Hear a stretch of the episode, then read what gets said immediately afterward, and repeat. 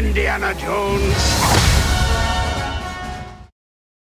Takk kærlega fyrir að hlusta eða horfa á Bíoblæður. Nú getur þið gerst áskrifundur með því að fara á heimasíðuna mína bioblæður.is og skrá okkur þar. Verðið er einungis 1.099 krónur á mánuði. Fyrir þá uppæð þá fáið þið 2-3 auka þætti í hverju mánuði. Þessi stöðningur skiptir mig rosalega miklu máli, þetta er mikil vinna og hver einasti áskrifandi telur svakalega. Þannig að endilega kíkja á heimasíðuna mína bioblæður.is og gerist áskrifundur. Þessi þáttur er í bóði Pop Smells frá Nova Sirius. Þetta er súkkulaði og pop sem kemur í tveimur bræðtöndum.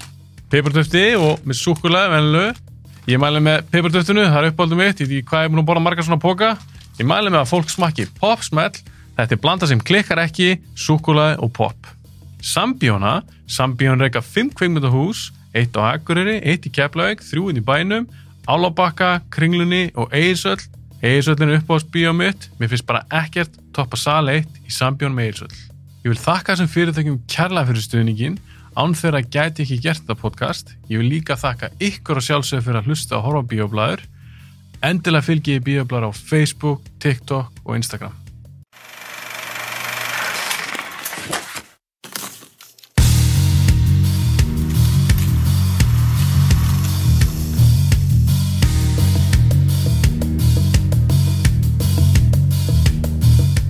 Part 2, Aron, við erum búin að ræða hennan grunn grunnin fyrir þegar Eikon kemur til Vesteros, hverju takum við af honum og nú eru við komnir í þar sem að House of the Dragon serían frá HBO þar sem hún byrjar. það sem hún byrjar Þar sem bara fyrsta, sen, nei, hérna fyrsta senan er einmitt gamalt konungur sem er Jaehaerys King J. Harris sem við erum búin að tala þessum í, í part 1 já, og það var að velja henni hver tekur við á honum.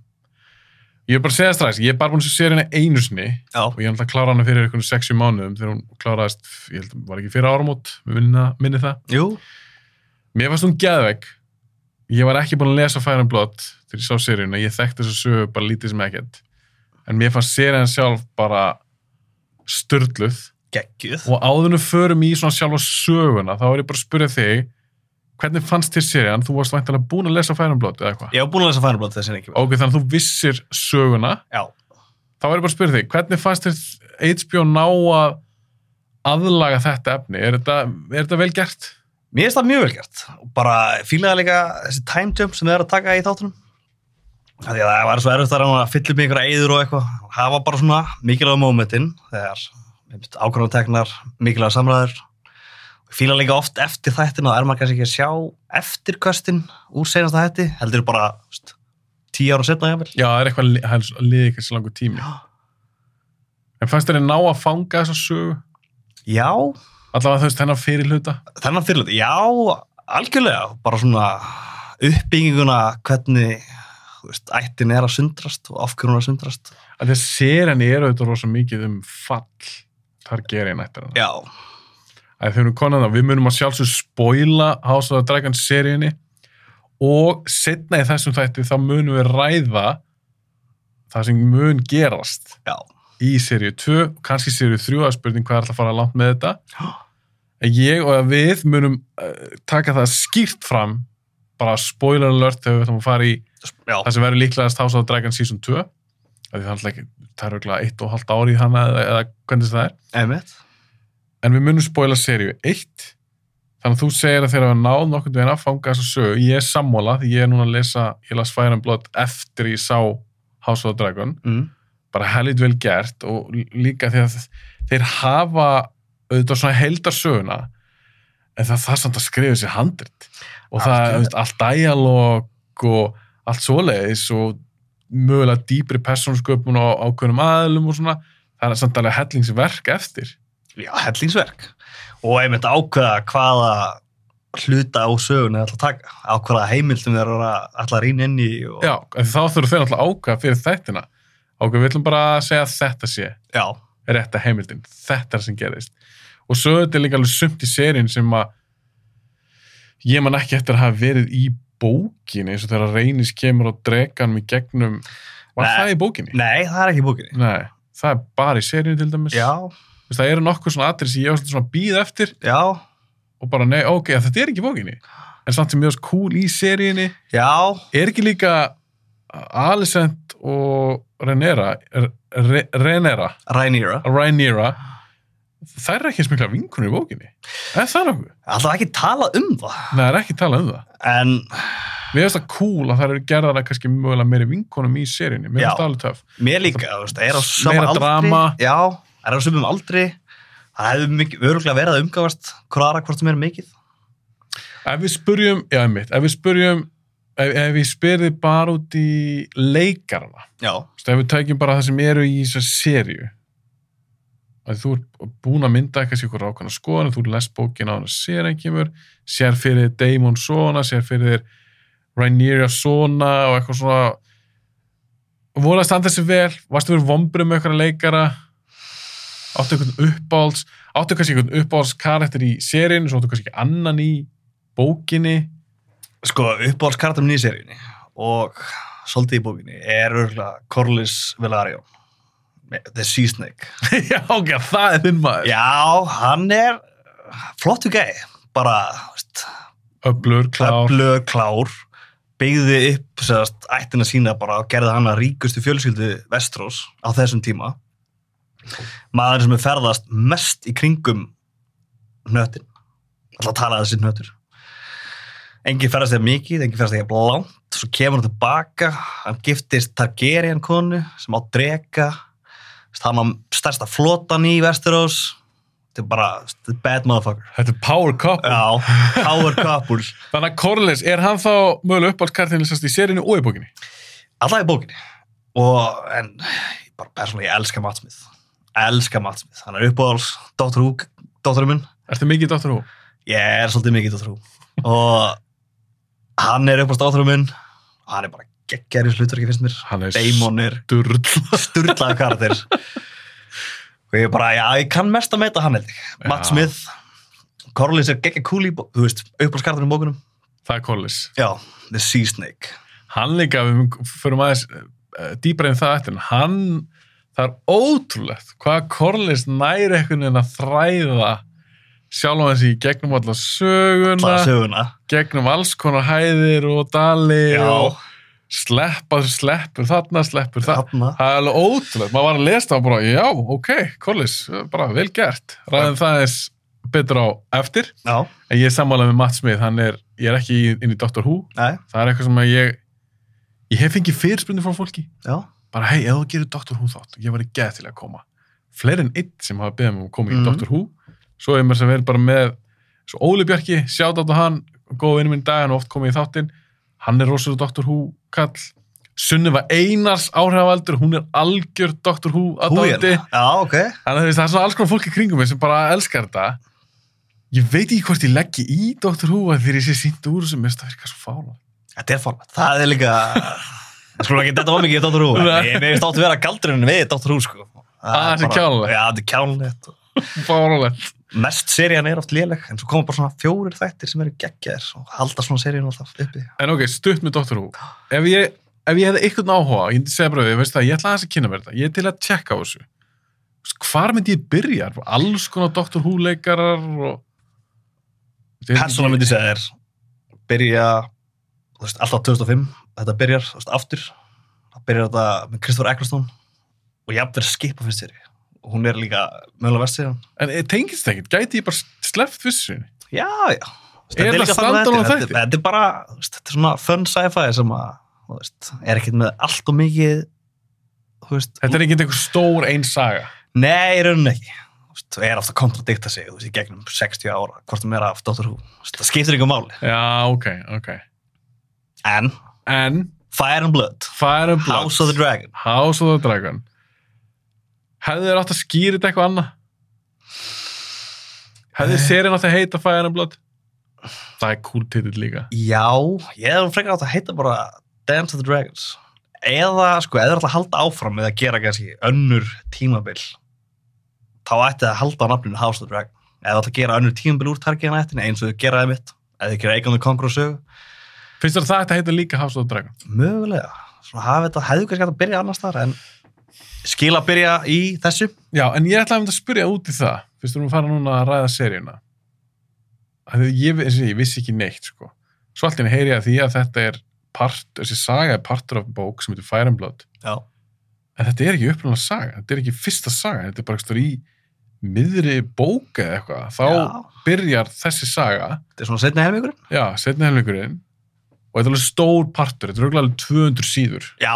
alveg jafnvel 200 pluss þar sem að þessi saga er, þá er þetta tala um þetta fyrsta serían og svo mögulega serið 2 náttúrulega líka og jafnvel 3 Og Sjáum. fjögur held ég. Ég held Já. að sé að pæla í fjórum. sjáum hvað það getur farið langt með þetta af hverju ge- gerðu þér það, veistu það af hverju gerðu þér ekki bara Eikon serju Sko, mér þætti hæpið að gera allavega fleiri en eina seríu um Eikon.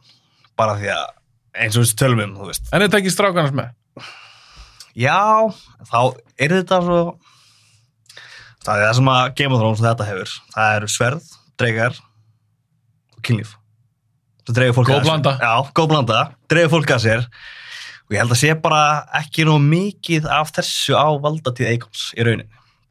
ha, heldur það Mér finnst þetta að gera. Ha. er að ætla að gera mynd um Eikon það sem ég finnst að þetta vera Mynd? mynd mér finnst að þetta vera mynd ok, það getur reynda verið trillt sko það sem mér finnst að þetta vera geggjabækning að gera geggjaða mynd og bara hafa þetta þú veist tónlist sko. bara jafnvel eins eitthvað svona fantasi aðna Disney myndin bara tónlist bara tónlist ekki dialog og bara gruglu visual og ruglu tónlist þeir eru aldrei að fara að gera það ég held að þetta er geðveitt cool þú er, vá, þetta er eitthvað sem ég átti ekki vona þú Nei. er til í það, já einhverja tónlistarmynd um Eikon the bara Conqueror ópera undir, rugglu visuals, þú veist, hafa geggja fána, hafa þetta allt ána, hafa stærstu svona atriðin. þetta er aldrei að fara að gera Nei, ég held að þetta væri flott.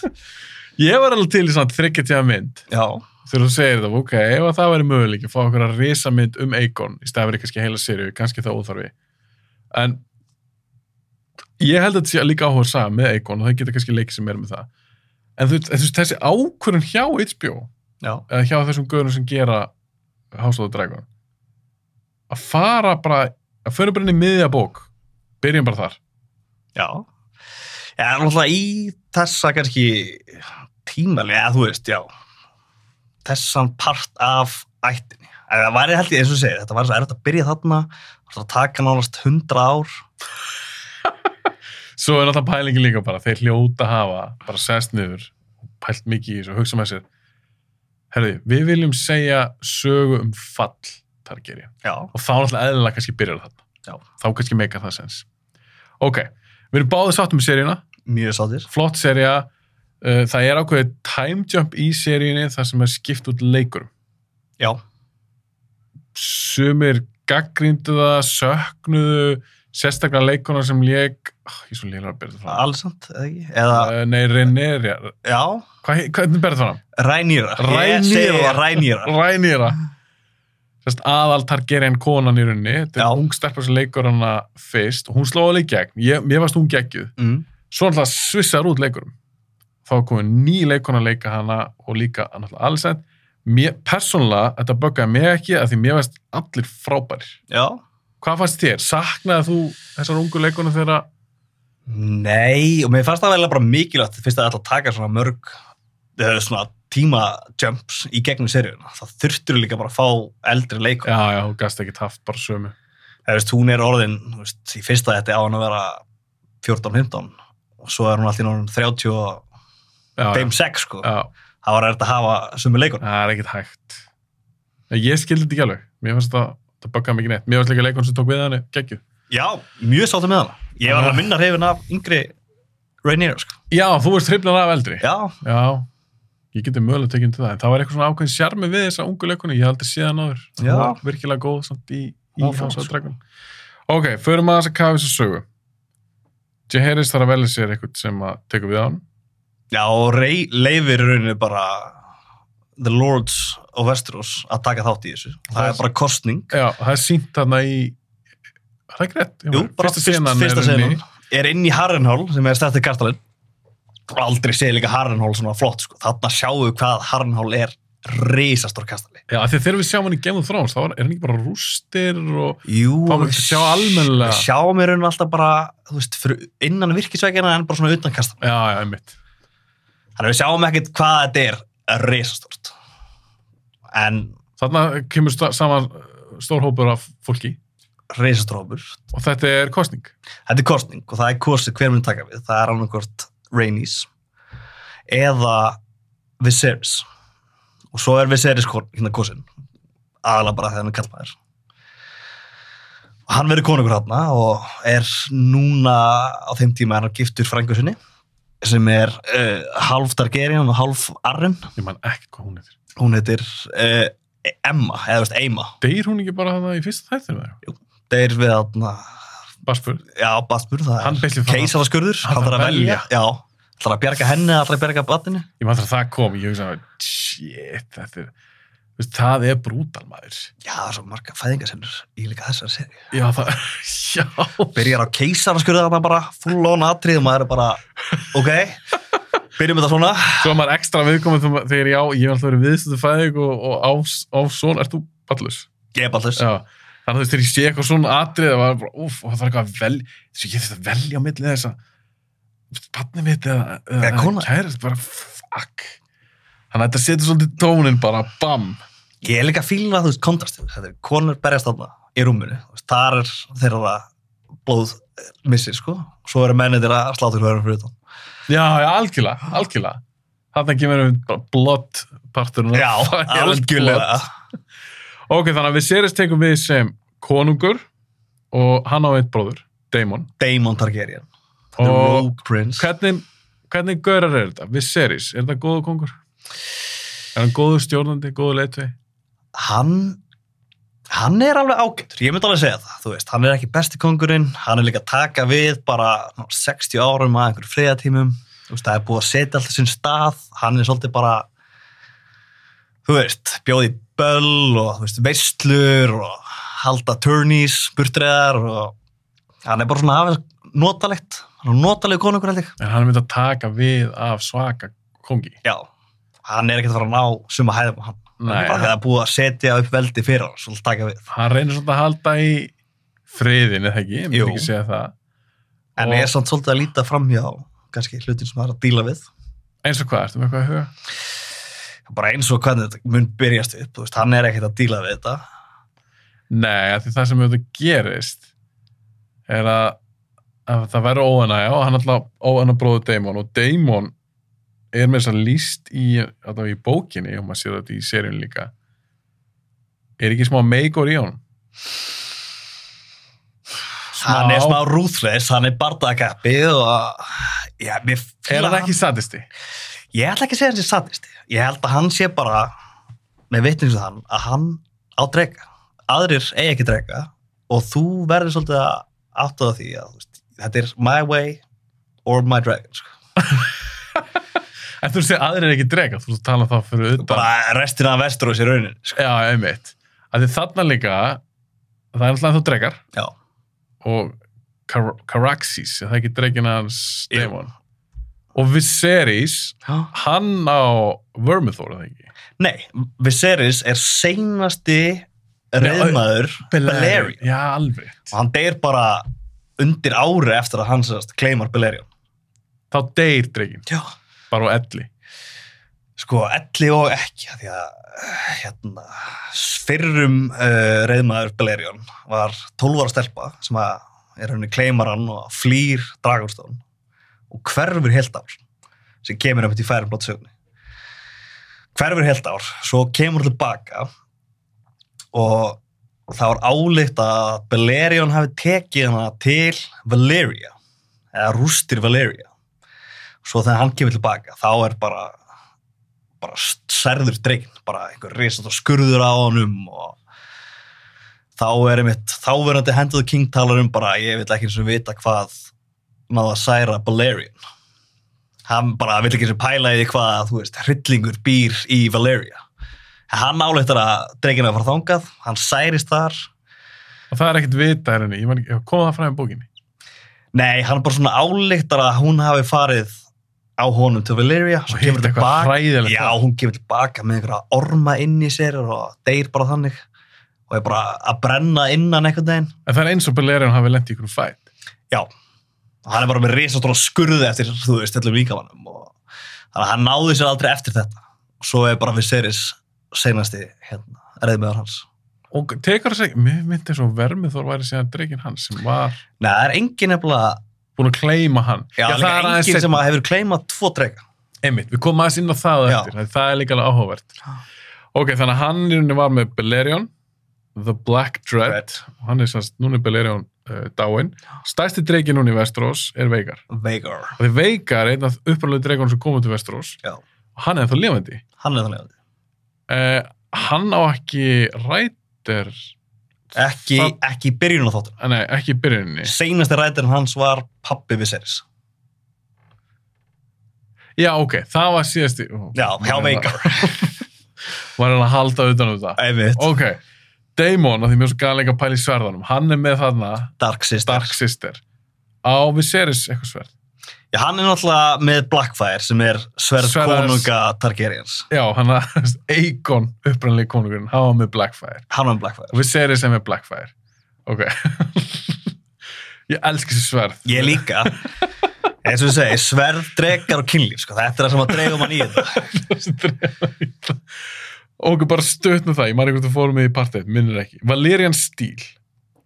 Þessi sverð eru náttúrulega mjög sérstök. Þau eru svo, er það ekki rétt sem ég, þau eru svo beitt Beittari, sterkari, léttari það er bara allt betra við þessi, við þessi sverð eiginlega bara skeraði gegnum brinni, sko. Oft talaði um það bara, Já, þau eru svo beitt og þau halda líka brúninu sinni já, eða bitinu, bara svo lengi og þetta er bara geggjastöf og þar með, einmitt, er sverðið sem Ned Stark er með í Game of Thrones Ice, sem er svona stórt sverð það er vel einn stíl sem að já. var ekki tæfin sem bræði það síðan er í tvö önnur Jú, minni? hérna, uh, Oathkeeper og Virus Veil, held ég að, Já, sem að Joffrey...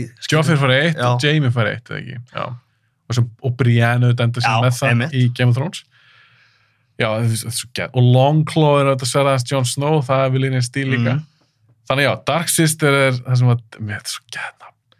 Það er það sem að Daemon er með og Blackfire er hjá, hjá Viserys. Mm. Eru þeir vinir, þessi bræður? Ég held að það er bara strempið samt. En í grunninn eru þau vinnir. Þú veist, í æsku held ég að það hafi verið bara best buds. Daemon er yngri, Damon yngri, Já. tveim árum yngri. vill hann vera kongur? Hann lítur á sig sem erfingja Viserys. Af því að hann á bara dóttur.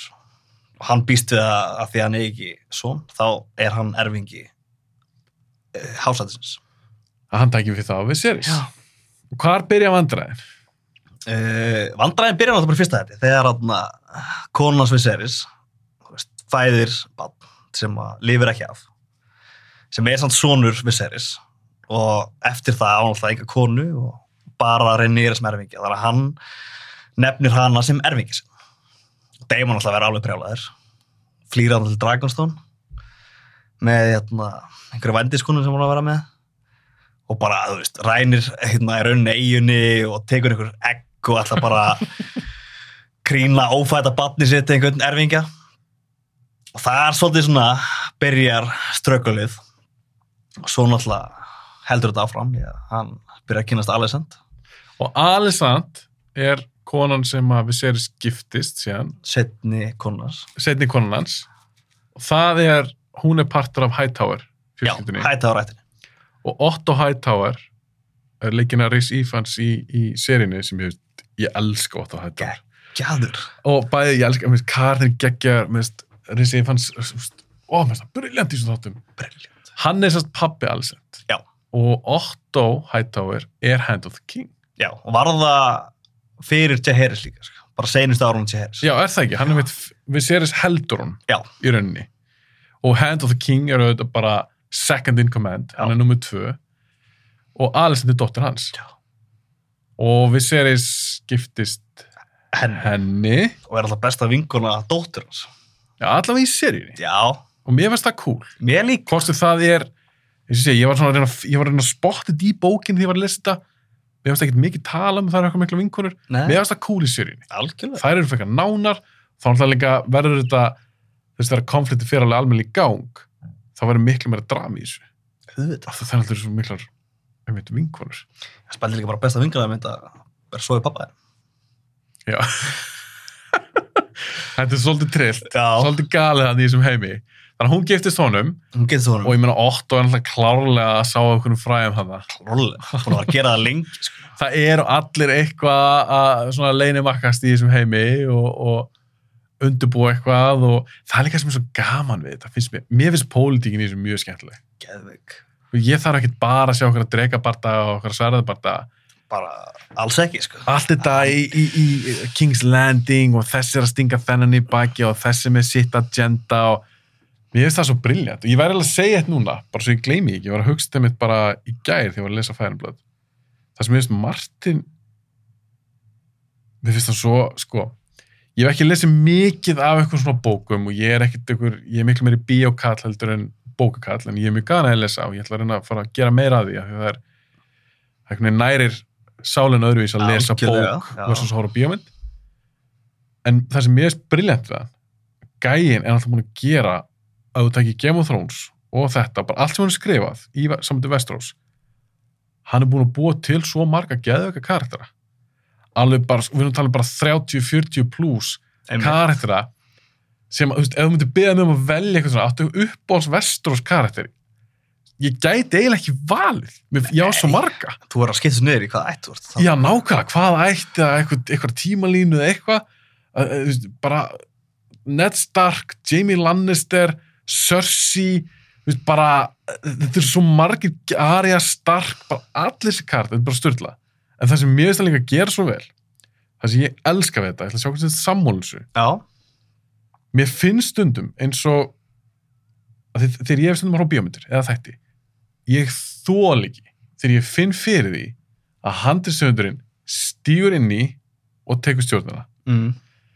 mér finnst Martin láta kar eftir hana stýra ferðinni, já mér finnst sem að á að vera en það er ekki alltaf þannig alls ekki en mér finnst þess að hann búa bara til eitthvað geggja kar þeirra svo bara sleppir þeim laus já, bara hvað myndi hann gera í þessu situation já bara þú veist hvað og hann leifir bara einhvern veginn kar eftir hann bara ok, farið með mig í eitthvað ferðalag já, og það er bara svo margar ákvæmur sem eru teknar í þessum, þessari sögu eins og í Fireblad, House of the Dragon sögunni sem maður hugsa með þessu bara eitthvað þú veist, þetta er geðveikt og bara shit, fuck, okkur er þess að gera þetta Já. auðvitað, af því hann er svona að þérna svona bara Eða hann á- er metnaðfullur já, veist. eða okkur er þessi með þessum í liði já, býr, það make a sense eða, þú veist, þetta er svo, þú ert sammála þessu það er einhvern veginn, Algjörlega.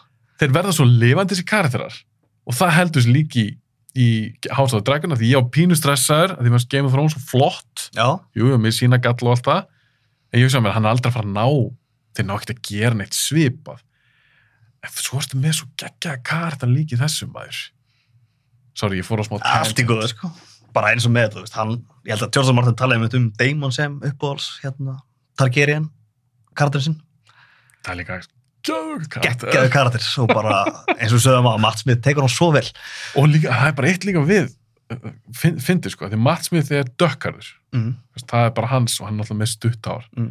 þegar hann er með þessa hárkóðla þarna já, þetta hvítahára, ljósahára, hvað allt kalla það. mér finnst það þetta bara passar já, þetta passar og þetta er, bara, þetta er bara Damon Targaryen Mhm. og hann er svo cool hann er svo bók ok, tölum aðeins um þetta okay, Já. Viserys, hann er kongurinn Damon ég kom aðeins inn á kannski smá svona meikur í honum, alltaf kannski ekki eins grimmur En þú veist, hvernig karakter er hann? Hann er mikill stríðskall hann er mikil stríðskall og hann er, er hann ekki commander of the city watch eða eitthvað uh, jú, of the Gold Cloaks hann byrjar svolítið að láta kalla Gold Cloaks hann tekur við að City Watch bara gjörbreytið en tekur það úr að vera bara í einhverjum tætlum yfir í að city watch eru bara svona svo löggan eða ekki eða Jú, löggan í Kingsland, Já. þetta er bara svona einmitt, haldi uppi eh, Friðinum. regl- já, lögureglum hann tekar á svolítið ekstrím og bara einmitt lætur upp almenn vopn, almenn brinnjur þessar skikkjur hana, guldskikkjunar hann bara tekur það sér. hann líka bara veita að þú veist, fólk er byrjað að vera með óreðu í borginni þú veist, þau eru ekki alveg jafn að taka í hafnart á sig og hann bara, þú veist, hann ég hreinsar tekið þetta í til. mína eigin hendur hann reynst það til hann reyndar til, gera það bara sjálfur Já. hann Gera er þetta bara sjálfur. með eh, sverðið sitt bara, Dark já, sister. heyrðu, þú ert morðið ekki, þú döður þú tjófur, tekar hendina ég var líka þegar ég byrjaði á, á House of the Dragon ég hugsaði mér, fuck, þú veist, þessi gaur hann bara byrjar strax bara bad motherfucker Er það ekki líka bara fyrst sem við sjáum? hann? Hann er þetta Jú. bara komin í brinju og bara þú, drepin, þú, að með hendina þína. hann bara stúta fullt af hverju liðana en svo er líka gaman, við komum meira inn á það eftir svo náttúrulega að þetta er Martin Carter Mm. það þróast og það er einmitt að díjónum og hann gerir, þetta er ekkert alvont þú veist, alltaf allslænt sem hann gerir og þess að verður þetta svo áhugavert en þegar við sjáum hann fyrst, þá veit bara hann- hann er takandi einhverja hausa og hann er bara, ekki- hann er ekkert að skipa einhverjum að gera það Nei, hann, Hann er bara, bara- ég þarf að gera þetta. sjálfur í þessu yngri bróðið við seris Yngri bróður við seris. og þetta er auðvitað maður sem að þú kannski vilt ekki sjá sem kóng eða hvað, Já, kannski hafði hann gert það betur en við seris. Hann tók til í borginni. hann tók til, til það, hann bjóð til reyði borginni og þú veist, hann er þetta svolítið svona sé smá aðtiklis ekki á hann með mitt þegar hann flýr hann til Dragonstone og ætlar að krýna ófættan svona sinni einhvern já, erfingja og eitthvað. hann byrjar að svona, taka skrifnir okkar svona, og haga þessi skringila en hann veit að hann getur það, af því hann á drega aðrir er ekki drega, nei, nei, það gefur svolítið mikið það gefur manni mikið þetta sé svakalegt ekobúst sko. og svakalt egobúst dregin hans er ég meina, er hann ekki talið um svona frekar stór ekki náttúrulega stærsti, nei, er ekki eini dregin sem er lifandi á þessum tímapunkti sem er stærri en hans, er það ekki bara veikar? nei, Það er kannski Vörmuþór líka. vörmuþór Já, hann er líka stór. Já. Svo er líka svona drekar sem að við erum ekki fengið að sjá eins og kannibal, er ekki eitthvað kallað kannibal? Jó, við sjáum hann örgulega bara, mögulega bara beintir næstur Já, en það er það sem kallað svona viltur já, dregi. tala líka oft um bókina um, þú veist, drega og svo Targaryen drega. Já, einmitt, einmitt. Æ, það er alltaf munur á þeim. Já, það er munur, eins og þessi Cannibal og nokkra aðrir sem eru bara viltir, þú veist, í kringum Dragmastan. Þetta er svo gett, ok. Já, Svo Förum, förum, förum lengra. förum, hérna. förum, förum meira út í það kannski á eftir. Ok, hann er á flottum drega og hvað? Hvað gerir svo? Svo náttúrulega bara stuttur setnið mitt. Við seri skiptis Alicent og hérna, hún byrjar að hérna, gefa einhver börn, Þú veist, eignast þarna Aegon og uh, Aemond. Hvað er það? Helena eða ekki? Jú. dóttir hans svo er þetta einn annar sem er ekki búin að koma í þáttunum en hann Já, á annan einmitt. svona Er það ekki? Ég var, þegar ég var að lesa því, ég hugsaði að býtu, ég man ekki til þessum úr seríunni. Deiron Ha, ég- Daeron. já, ég er spenntur að sjá hann hann er örglega að fara Var hann ekki yngstur? jú, hann er yngstur á sonum hérna Og við mættum Series. ekki sjá Deiron í seríu 1? Nei. Ok, af því hann er alveg nafn. hann er alveg nafn sko. Já. hann verður miklu Þannig að kærtur hann hlýtur að vera í seríu 2. já, Já. Ok, þannig að eignast nokkuð börn með henni. eignast á börn og en er ekki búin að þú veist, nefna elsta son sinn erfingi sem allir er eitthvað að búast við sko við sjáum hann það í öðrum að þriða þætti það var að fagna ammalistegi Eikon, allir að koma að einhverja veiði og hann einhver landist er hann að giftast uh, byggði að rænera eitthvað svona Já. og hann bara eitthvað, já, byrju, er, ert þú ekki að fara að stíga niður, veist að bróðun er komin þannig að þetta er svona hann er byrjað að sá fræðir um að Þetta, þetta enda sín að því, er unni, þetta verður bardagi milli, bara hver tekur við af honum. Já. Rhaenyra, Re- Rhaen- Rhaenyra, mm, ég er að segja þetta nafn, eða Aegon the Second. já, Er það ekki rétt sem er? Eikon the second Já.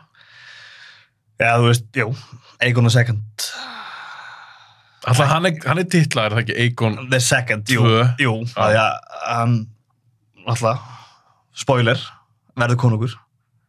Já, hann er alltaf grind, já, hann er grindur í þessu serinni Hann er kryndur Hann er grindur í Þa- þessu þetta er serinni, Aegon the Second og en svo alltaf horfa á seríun svo en þá Daemon líka alltaf að reyna að vinna þessu og herra og herra upp eitthvað veginn í þessu og... og hann fer í eitthvað svona mission á fer, fer hann ekki Essos Nei, hann Svona fer þarna- Stepstones þarna eitthvað. Stepstone sem er svona eiga klassi áður nær á sí sem að tilherir einum engum og þetta er alltaf bara eitthvað svona verður sjórun ekki svæði og hann fer að berjast þar, já, við hérna fer á dreganu sína já, Caraxes þá séum við líka að spyrja að sjá þarna Caraxes og Seasmoke sem er hérna dreikin hjá Leinor Velaryon son Já. Corlys Sonur Collis, já sem giftist síðan Rhaenyra Rhaenyra, já, og Daemon giftir sýstur hans Leina já, einmitt sem er, og þau verða alveg hamingisum, virðist þið vera já, hún er reyðkona líka Veigar já.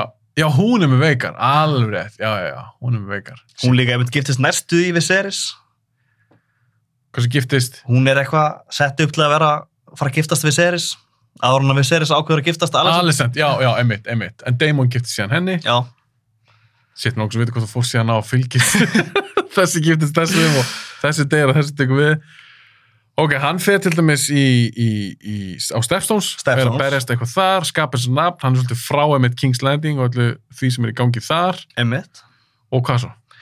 Hann er náttúrulega að reyna að byggja sér til segna og sigrar í rauninni hérna, sjóruníkja á Stepstones og Corlys krýnir hann konung The Stepstones og The Narrow Sea. En hann bara, þú veist, það þýðir ekki neitt fyrir mér. Þannig ég ætla bara að fer og skila því veldi inn sem geggja allir mætir hann á Caraxis allir og geðveitt tens á því hann mætir mætir í full armor með sverðið sitt og kórónu og krýpur svo niður fyrir bróðið sin Já, Mér finnst það ekki. Það er líka bara, það er eitthvað sambandamill. Þeir eru Hann best. elskar bróður, Já, hann elskar bróður. sinn. hann gerir það.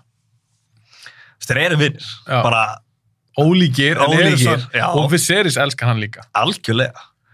Og hann kemur aftur þá til hans. Kemur svolítið aftur, allar að komast þannig í hirðina, en stígur svolítið yfir einhverjum mörkja fyrir seris og Og Otto er líka ekkit sakalega hrifinn á hann. nei, er svolítið búin að vera bara böðullin í gegnum hans valdatíðarna sem Hand of the King. Ok, og hvenær byrja að segja vandræðin? Almennilega. Almennilega, sko, það er náttúrulega fyrst eiginlega bara þegar við seris er að degja. Já. þú veist, það er ekki búið að hann er ekki ennþá búin að nefna Eikon sem erfingja sinn það er eiginlega allra að býða til því og allra að búast við að Eikon eigi að taka við En hann alltaf var búinn að lofa dóttur sinni. já, lofaði henni, búin að krýna og búin að segja bara, ég ætla að halda þér sem erfingja minn Já. Bara allir saman hvað, Hans- já. svo eru skipta skoðanir meðal fólksins í, bara í landinu rauninni, bara er það ekki rétt sem er, menn sumir voru svona, já, hei, ok, við stiðum þetta, svo það er bara eitthvað, uh, mm, og það er alltaf að vera svo mikil áreiti á milli Alessandro og Rhaenyra sem ég veist það alltaf að vera, þú veist, þær tvær eru með bífið, og mér finnst það báðar frábærar leikonur. svo er alltaf deyra þarna Leina, kona Daemon þau fara í jarðaförnu hennar þar sem að Aemond uh, eigna sér Veigar Já, tölum að mynd aðeins um það þetta, því Eymond er sonum við Seris og Alicent Já, og hann er náttúrulega Targaryen, Targaryen. sá gæi, eða sá krakki og hann eignar sér mitt veikar, því að á þessum tímabötu þá náttúrulega á veikar engan uh, engan reyðumann Já, og þarna var líka, bú- var ekki eitthvað búið að skjóta líka á Eymond, að þú átt ekki drega eh, eitthvað svona, jú, kom geggja aðriðan það sem að þau eru allra eitthvað að þjálfa degina sinni í Dragon Pit og svo kom með grísaðna eitthvað Mhm. með vangi, Já. gerði grínað honum. gera grína hann um eitthvað en kannski svolítið svona sem Megor þá var hann með eitthvað ákveðin í huga hann, Hann er með ákveðin huga. hann vildi veikar Ah, sem er stærsti dreikin þannig eftir Já. að Beleriand deyr og hann næra að temja hann, eigna sér hann svo þegar hann er henni búin að ríða hann í fyrsta skipti missa hann ekki þá auga Jú, þá þá hann er mæta fætt við sinni Rhaenyra.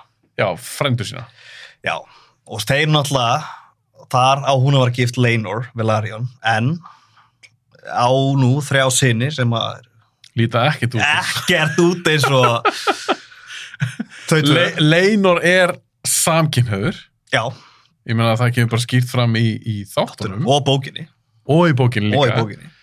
og hann er henni, hann hefur lítinn áhuga á að virðist vera góða maður, en hann hefur lítinn áhuga á alltaf einhverju, einhverju romantísku sambandi við Algjörlega. konuna sína, hann er með eitthvað að kalla í huga, það er kannski það leitt kall en Rhaenyra er að sofa hjá Harvin Strong. Harvin Strong sem er núnverandi hérna, herfóningið The Gold Clothes. já, einmitt, einmitt, þannig að hann er alveg hátt settur þarna og hún er búin að eignast hvað, þrjá stráka með honum? Þrjá stráka. þeir er alltaf að líta allir eins út Jay Seris, Lou Seris og Joffrey. já, og Joffrey, einmitt og þetta er alltaf ekki sami Joffrey og við hittum Nei, ekki nei, með nei. Game of Thrones það er þessi þrý sem hún á með uh, Harvin, Harvin Strong. Strong. og það er talað um þetta en það er náttúrulega ekkert staðfest það er náttúrulega konungsfjölskyldna segir alltaf bara neina þetta eru au- það, hvað rugl er Auðvitað þetta, er þetta eru þetta. sinir Leinor Leinor. og, og Rinera hvað gæft það er þetta en það er alltaf bara að sér það hver heiluta maður að þetta er ekki þetta er ekki sinir hans Nei, en þeir fá stundur svona smá eitthvað skot á sig og, svona á nokkur sinnum og það aðna. er styrt á milli þeirra og svo eins og Eymond Já. og Eikon sem eru sinir við seris Ekki samt alveg Eikon, ég fílaði svolítið í seríunni að þú veist, Jay Seris sem er elsti sonur Rhaenyra og Eikon, þeir eru svolítið góði vinni, sko. Þeir eru saman að gera grínað, já, já, Eymond. já, reyndar, reyndar, það er reyndar eitt Það er alveg smá vinnuð á það, sko. en Eymond fer allan eitthvað svona smá ill út úr þessu Já, hálfgeft einelti bara Já. og hann kemst tilbaka frá uh, frá því að hann var náð veikar, Mm. dreganum og hann lendir í ykkur fæt við strákana Takur honum augað. missir auga og eftir það er hann ekki bara kallaðar Eymund One Eye Aimund One Eye. sem er reyndar, og ég dyrka Eymund Já, geggjaðu kall. þetta líka Fíla ekki ef hann er mikið að emulata Damon, sko. já, algjörlega Algjörlega. og hann og hann er á æ, fuck, ég elska þetta svo mikið hann semst missir auga en segir held ég mér svo í bókinni og í seríunni Já. bara, ok, ég misti auga en ég græti drega og mér finnst það bara fín skipti. Sanngjörð skipti. Sanngjörn skipti fucking grjótharður þannig er hann bara ungur Já, hann er bara... er bara krakkir 11 ára. já, eða einmitt. eitthvað. en hvað, kemur ekki síðan að þessu time jumpi eða voru, nú, ég mann þetta ekki alveg voru ekki Reynera og Damon voru þau eitthvað byrjuð svona eitthvað Þau gera það bara þess að þetta. Þarna, einmitt, konan hans, uh, Damon, dáin Damon deyr þarna við batsfæðingu. og hún var búin að eignast Tvær dætur. tvær dætur Uh, en Damon var ekki svon Damon Engarsson, Nei. ekki ennþá. Svo hérna... Um, feika þau dauðan hjá Leinur eftir jarðaförna sem mér fannst vera áhugaverið svona það var ekki, var það í bókinu? Nei, það var nefnilega ekki bókinni sem mér finnst áhugavert af því að svo munu einhver mögulega einhver spoiler, munu einhver annar taka við dregarum hans já, já, einmitt, en ég veit ekki hvernig það mun virka fyrst að hann er ennþá líf Nei, einmitt. alveg, ég var búin að gleyma því já, hann fer í rauninni. Já, hann fer með kærastan sínum og fer bara til Essos að berjast þar eitthvað já, einmitt, já, hann, hann var farin að þista í eitthvað svona ævintýri og Já, hann var komist til leiða þessu konungskjæftæði já, hann er bara pæli í allt öðru já.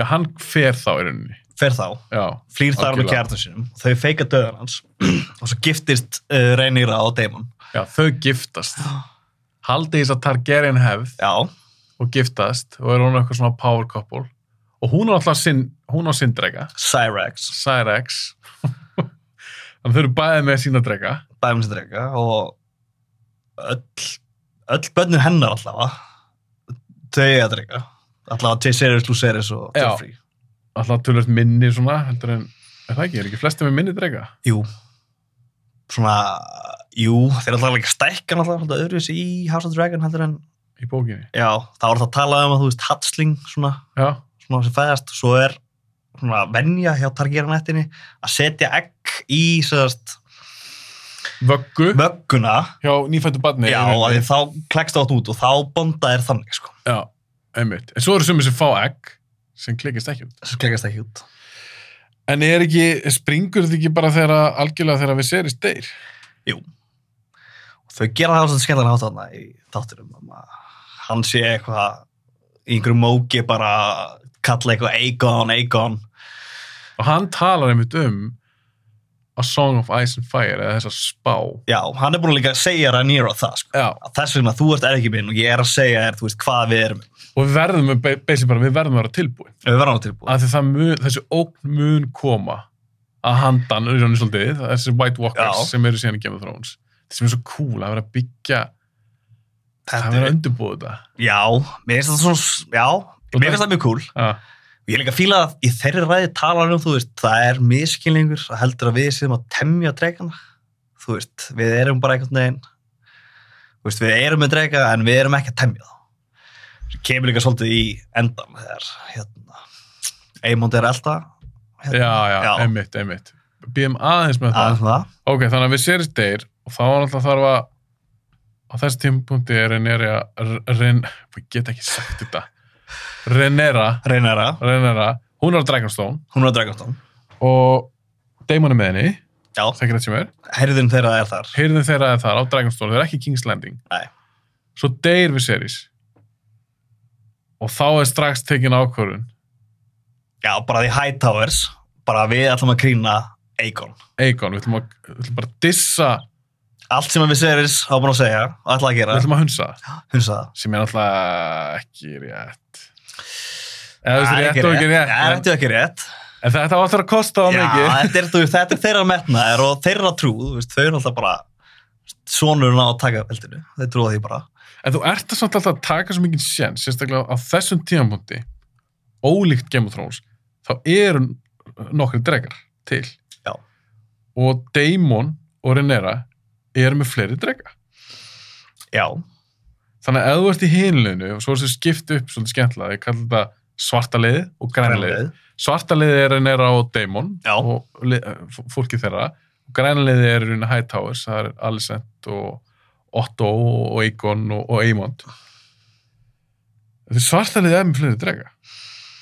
Já, en þú veist Svo er hérna alltaf Eymond er með Veigar Reyndar, og hann alltaf er stærsti dregin og svona, en, en það er svona verið að ræða, þú veist, þeir, það sé ég að segja, þeir, þeir taka auðvitað alveg sjens. Já, bara ef þetta verður full out war þú veist, þá kannski lítið þetta ekkert svakalega vel út á pappirum en þau allan ákveða að gera þetta ákveða ekki krýna Eikon dissa allt sem að við séri sagði segja bara fuck you líku við og, og hvað svo?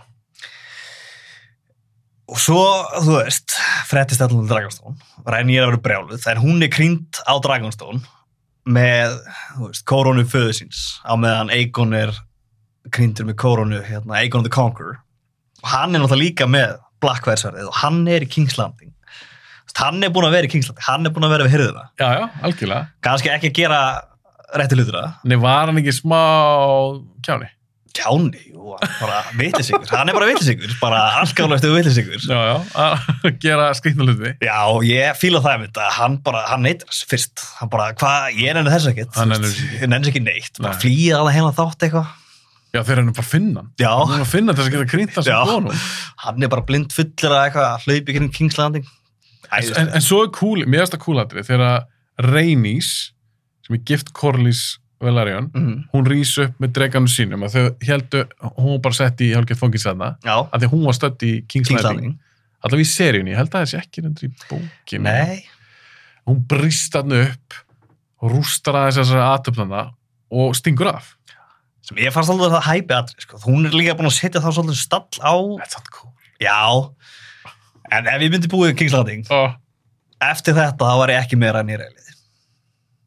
Nei, nei, nei, nei, það er góð punktur af því það er náttúrulega heldur margir sem var dáið að það var að slatta af fólki, þetta var fullur salur hún brýst um miðjuna bara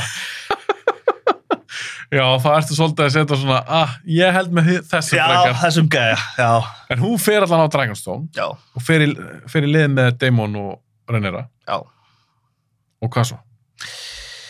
eða svo núna fara bara Já, nú erum við bara að fara að koma bara já, á endan. þannig að núna þurfum við að splita liðin og núna erum við bara að sjá líka, þú veist allir eru að bara að sjá hverju ætla að standa með hverjum og þessi er alltaf Aegon og the Greens erum King's Landing og þau eru með The Hightowers sem eru yfir hinni stærstu borg Vestros, Old Town það er líka trúin Lannister er sem er með þeim liði og svo Rhaenyra sem að þú veist er búin að vera hrindarviki en er kona og all flestu þeir sem að eru búin að krjúpa fyrir henni og viðkjörnum sem er að vingja eru flest allir löngu döður, það var fyrir bara 24 árum hann eða eitthvað þannig að hún kannski hefur ekki sama fylgi sko.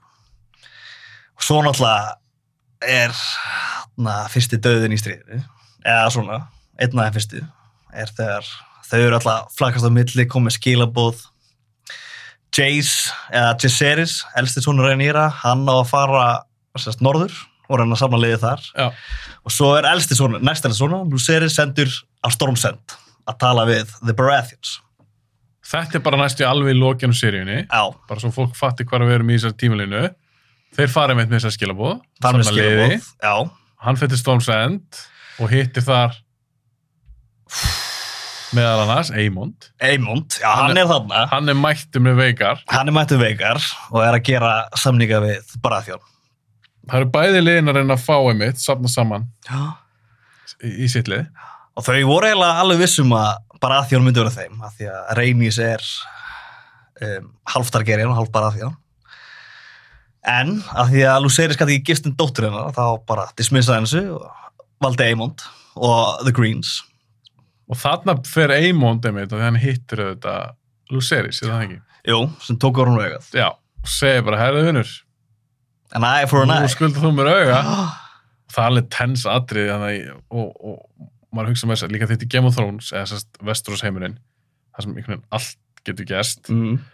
Þa, það verður líka svo mikil spenna við það, þegar maður bara, ok, hvað er að fara að gerast? Þá er alltaf að tala um fó- fyrir fólk sem hefur ekki lesið þetta. Og bara að því hann segir bara, herri, þú ert ekki að fara að gera neitt hérna undir mínu ekki, í mínu ekki húsum í mínu húsum eða var hann, að því að Luceris er að koma inn það sem bara svona Sendiboði. sendiboði en ekki koma inn sem einhver, einhver einhver riddari og þetta er bara rugg þannig að hann er henni fer úr seris en Eymond eldra Já. á veikar þannig að þá ertu með drega á móti drega en tölvörður Stærðarmunur. Tölur. og nú erum við bara að fara í lokin á seríunni það verður til þess að Eymond og veikar drepa Serið svo Arrax. Arrax, Já. dreikinas, Arrax og og Lucerys, þeir deyja. Og serían endar á því að reyna er að frettir af þessu og mér minnum þess að serían endur bara á skoti af henni og þú hugsa með þér, fuck, hvað er að fara að gerast núna? Er það ekki rétt sem að svo bara bam, serían Jú, búin? er það ekki? Kveikja þetta á eh, borðinu, the painted table. Já, eitthvað svo leiðis, svo bara er serían búinn og þá erum við komnir á hættislóðir. Þetta er slóðir. Hérna er spoiler.in. Já, hérna er spoilerpunkturinn, ég ætla bara að segja það strax, þeir sem er að hlusta, ég og Aron erum að fara núna aðeins í það sem verður líkast í seríu 2 og mögulega í seríu 3-4, ég ætla aðeins að ræða það við eftir smástund. Þannig að ef þið eru, viljið alls ekki heyra hennan spoilera og þið eru ekki búin að lesa Fire and Blood, þá myndi ég bara slökka á þessum þætti hér. Við erum búin að vara fólk við, við erum farið hardcore spoilera, það er búið að vara ykkur við. Ok, nú erum við búin að koma þessu frá mér Mhm. Þannig að fyrir fólk sem að vill kannski fræðast og er kannski ekki, það er ekkit hrættu ykkur spoilera og vill heyra aðeins meira um söguna og hvað er í vændum þá getur aðeins farið í það Hvað gerist svo? Af því að það, þessi tekur við er alltaf bara svakalt stríð Svakalegt tríð. og ég get ekki betra að segja það Nei, ég er svo samlæðis. Óristurinn að koma og mitt dreikar að klassa við dreika. Þetta er fullt af geðveiku stöfi Já. Og, en það sem ég fílaði við, þú veist, það sem ég gerði mitt í þessu er að þegar Eymond er að elda Arax þarna, eða þú veist, Ulseris, þá hefur hann ekki stjórn á dreikum. Sko. Þetta er meira dreikin versus dreikin frekar en Eymond versus Já, já, Ulseris. Þetta var kannski smá klúður, hann ætlaði kannski beint að drepa hann Nei. En það sem svolítið tekur við er náttúrulega að hún fréttir að Luceris er döður og hún og Damon verða alveg brjálið. alveg brjáluð Alveg brjálið og Damon alltaf bara sendir skilabóð, bara sonu fyrir son. Og það var að fara að sjá svolítið mögulega brútal atriði í byrjunum næst sérið. að því hann fær, að hans í rauninni uh, fær eitthvað tvo gæja Já. Er ekki blood and cheese Blood and Cheese. þeir eru kallað Blood and Cheese, Mm þeir eh, infiltrata King's Landing Mhm. Eða bara The Red Keep. eða Red Keep, Já. fara alveg bara í instaring og ná tveimur sonum Einu þeirra. einu þeirra, ok, hjálpa mér að mynda Ok, þess að hann að þetta er brútal atrið maður brútalatri. Hann sem að færa þess að tóku menn. Það er bróðast inn. Og þeir koma að Alicent, Helena, dóttir hennar, sem er líka gift Eikon, og þreim börnum hennar, sem er Jaheris, Jahera og Maelor. og meilur bara tveggjara Já, og þeir mæta að þeim og bara, já, ég er að fara að drepa eitt son. Og þú verður að ákveða hvor sonurinn það er. því að Alicent er búið að binda hana Binda hann niður. og Alicent er myndir búin að stóð partur af House of Dragons seríunni Algjörlega. gift, einmitt- var gift við serís Já. En Helena er dóttir hennar og þetta eru börnin hennar, það sem að- Börnin hennar. Helena er bara að byrja um að velja. Hún er líka svolítið svona, sérstu karðir. Hún er einmitt heldur svolítið svona forspár, er alltaf að koma með einhverjar forspár í þáttunum. Emitt. Og svo er hún bara látum velja. Þú veist, er ég að fara að dreipa Mailorsonin eða er ég að fara að dreipa T. Harris? Þannig að hún Velur meilur. velur Mailor. Hún velur yngri strákin. Þetta er fucking brútal. En gæjarnir drepa hann ekki. Nei, það er bara að afhauðsa T. Harris. Já. Beintur frá hana. Beintur hann fram. Jesus, ég fæði bara svona í magan.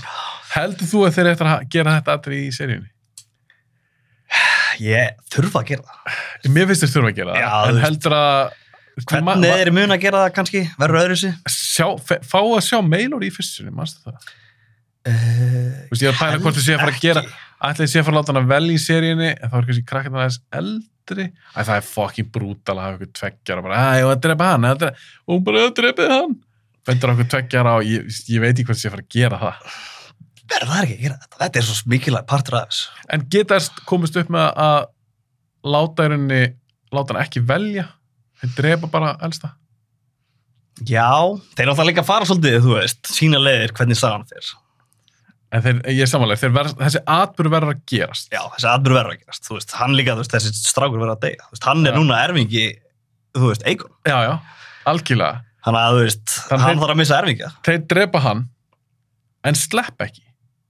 Það er ekki báðir. E, Þeir ná öðru þeirra í Kings Lang- í Kings ég held Landing ég náðum báðum, sko, og með þess að ná, og pyntaðu alveg allsvakalega. já, og þeir slepp ekki, ég held að þeir náður í einhverju hérna, þú veist, að leiðin út um hver hlið, Já. þá finna þeir þá með hausin af, hérna, Já, sé heyris. Já, einmitt. Þeir ætla að fara með þetta bara tilbaka. En mér finnst það ekki eins og vera mest brútal, sko, dauða hérna batni í, sem er komað þessar seri, sko. Í sér í tvö. Já, jafnvel serið þrjú mun að koma, en Já, en það, það er svo mikið eitthvað svona brutal dóti. já, Ok, og hvað svo? Þá er það klikkast þau líka. Að þau- Helena verður bara, já, hún fer bara Hún fer að missa eitthvað sig lost viti bara, bara. já, kemur ekkit það mikið meira við sögu líka af því að yngsti sonurinnar já, sem Veit. hún valdi sem hún valdi ég veit, til að þetta er svo deyja. brútal Þetta er svo brútal. Hún þarf að lifa með því að þegar hún horfir á són sinn, þá valdi hún, auðvitað hún var sett alltaf í hræðilega aðstæður, en hún sagði samt, þessi á að deyja. mm, Þetta er svo fucked up, maður. þetta er sjúkt sko. En þá náttúrulega verða þeir mjög pyrraðir, grannlega. grannlið, en þú veist, þeir eru svolítið eftir þetta með öll völdin, þú veist, þeir eru með King's Landing þeir eru með peningana, þú veist, þeir eru með stærstu ættunar á baku sig þarna er Tiseris, hvað er búin að fara í The Veil og safna liðið þar Já. fá þau með sér lið Og... Bæða, bá, báða fylkingar eru að safna samanliði.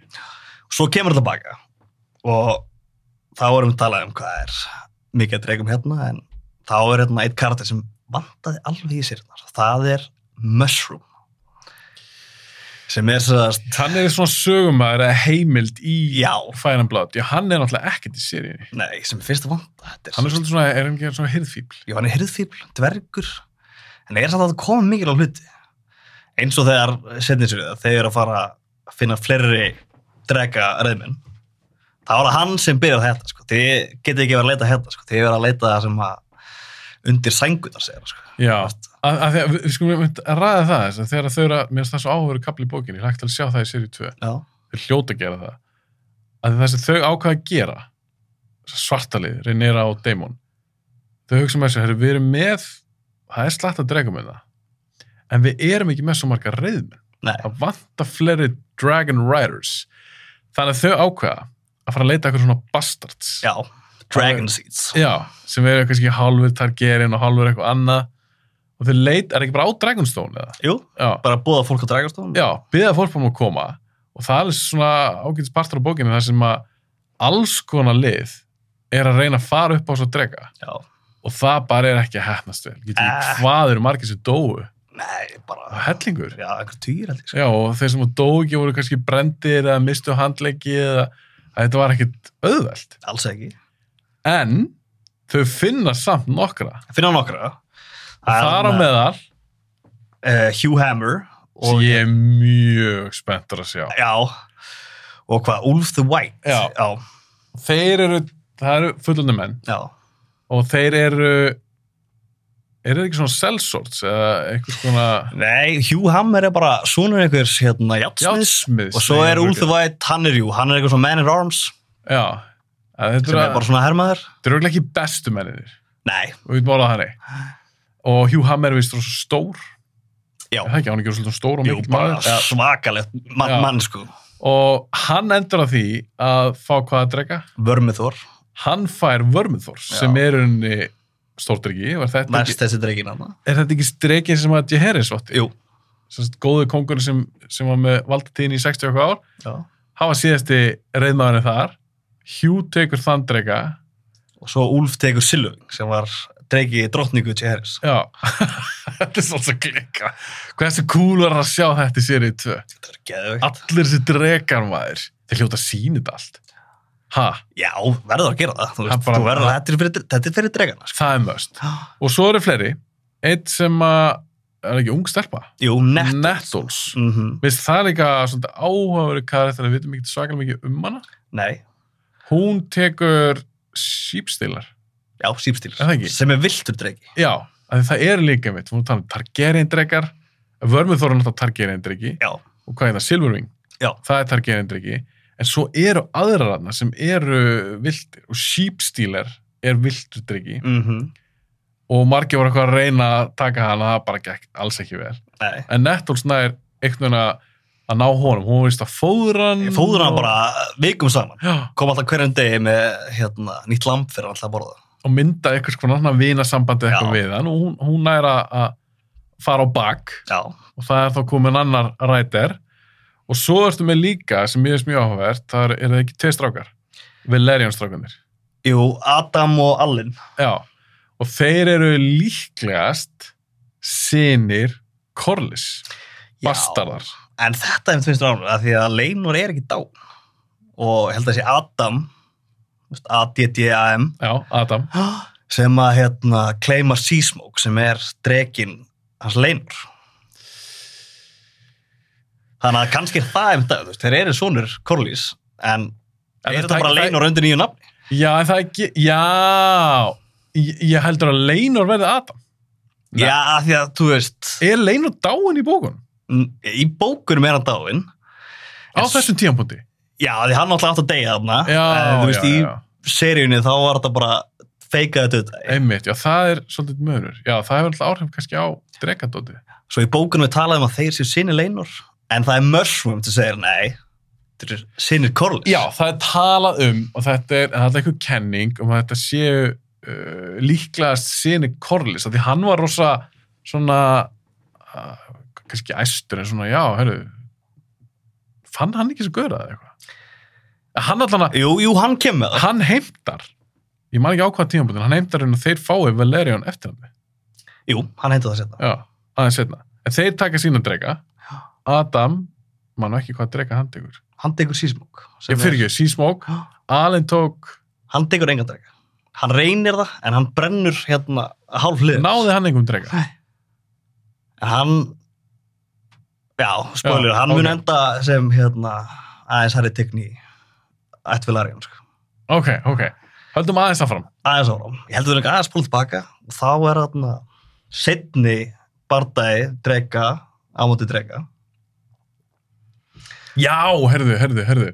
Það er reynis. Það er reynis. Já, sorry, við, ég fór aðeins fram mér. Það var mitt búið að gerast. Já. Það er líka aðrið sem ég er mjög spenntur að sjá og það verður eitthvað stórfætt. Það verður mjög stór fætt. Af því Þá er það reynis á móti Eikon á Eik- sínum drega, Sunfire og og Eimond á Veikar. veikar. Það eru tveir á móti einum.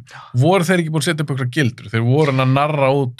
Jú, Einn þarna er dreka. líka sko, Eikon er búin að reyka afa sinn þarna sem Hand of the King, Af því hann er alltaf að skrifa bref og hann bara, þú veist, fara út að berjast. Já, einmitt, já, al, al, já einmitt, gott að komast inn á það. Já. Otto Hightower er best bara reikinn Hann er reykinn.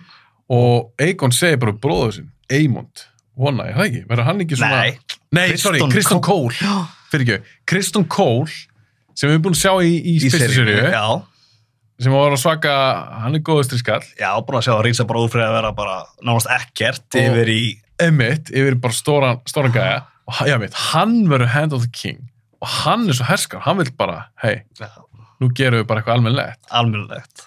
og hann og Eymond svolítið svona fa- tíma upp Já, og já, reynar ekki að narra út þeir eru að reyna ég er að reyna að tæla Að þig, þannig draga að, út. þú veist, þannig að hann byrjaði sannast, hérna, umsátur við kastalandir Rúks Rest.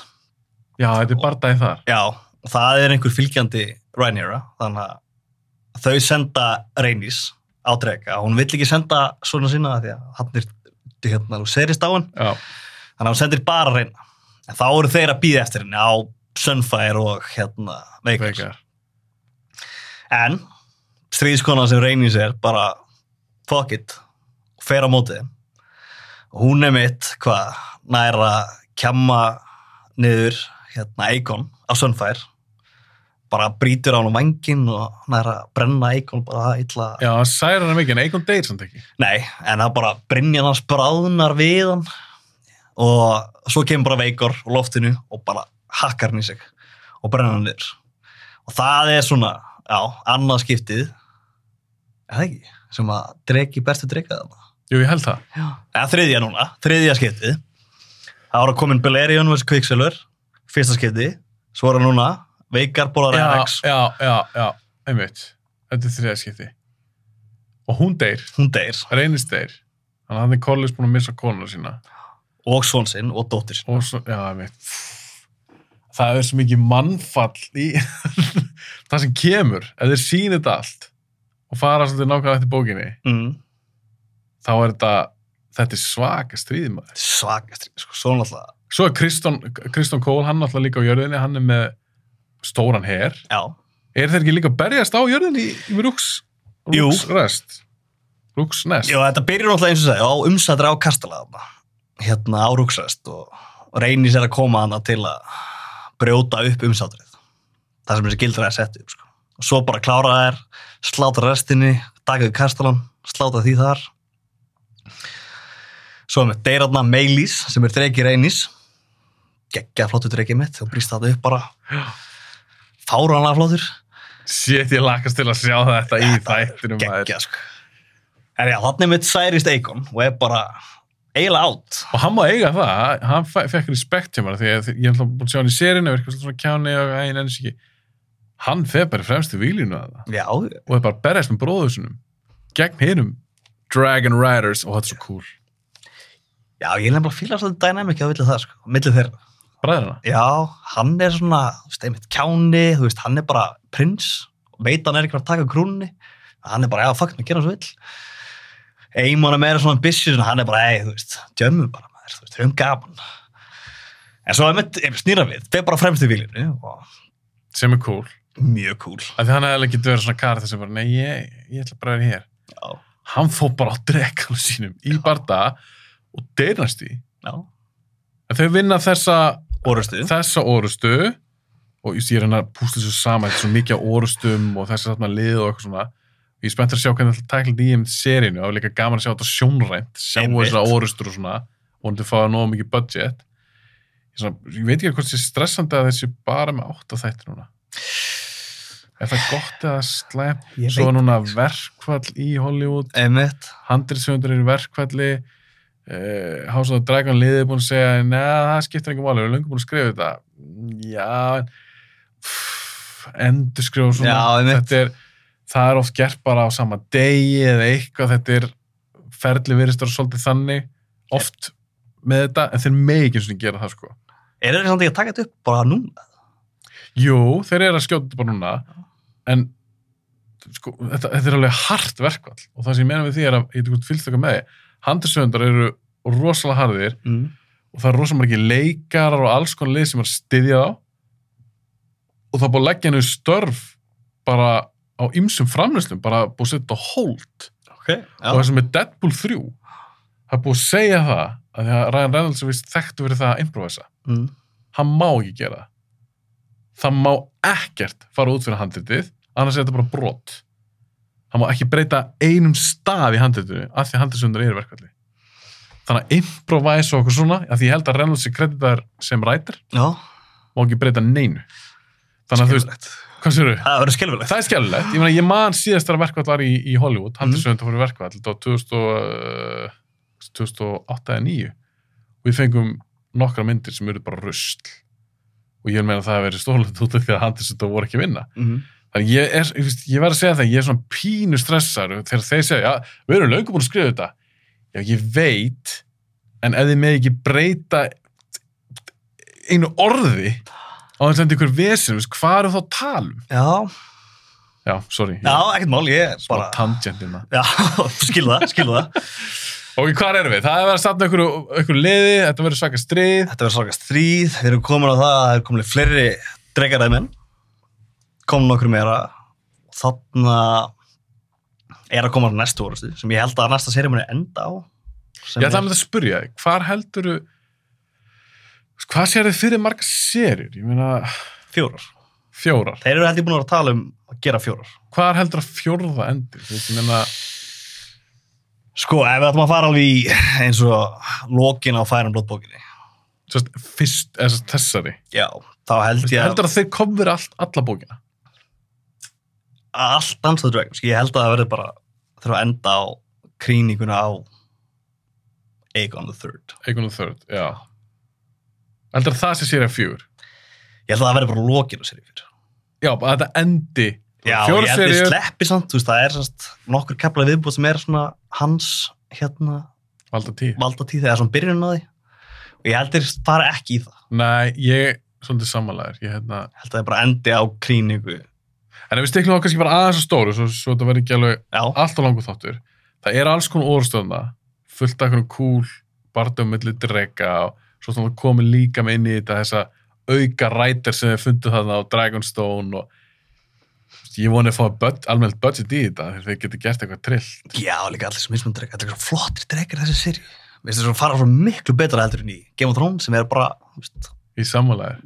sama dregi en bara önnu litasamendingu sko. Þú veist með aðeins öðru þessi bara líkansbygging og Já. allt á dregunum og slitinni mitt og þetta er eins og Caraxis er svolítið svona með langan háls Já, og svona, svona- svona slanga The Bloodworm Já, það blattur og veikar einmitt svona stór og mikill og svona maður sér einmitt þetta er svona gamall, gamall drikki já, bara svona annars trukkur á hann sko. Já, en ef við stiklum aðeins á stóru Já. fyrir maður aðeins hrætt yfir þetta þá er búin að vera alls konar orðstofna Kristján Kóli er alltaf í f- fremstu viljunu og er eitthvað sem dettur í hug að það er hann alltaf tapar kemur að því, já, kemur að því, það kemur svolítið setna það kemur aðeins þetta ég held að hann muni tapa í svona þriðisir ég Já, held að- er það ekki Jú, ég held að, sko, ef ég mun hugsa þetta setjum sér hann örglega enda á því að Rhaenyra komi í Kingslandin taki þar yfir borgina svo eru þriðja svona um, það sem gerist innan í Kingslandin þegar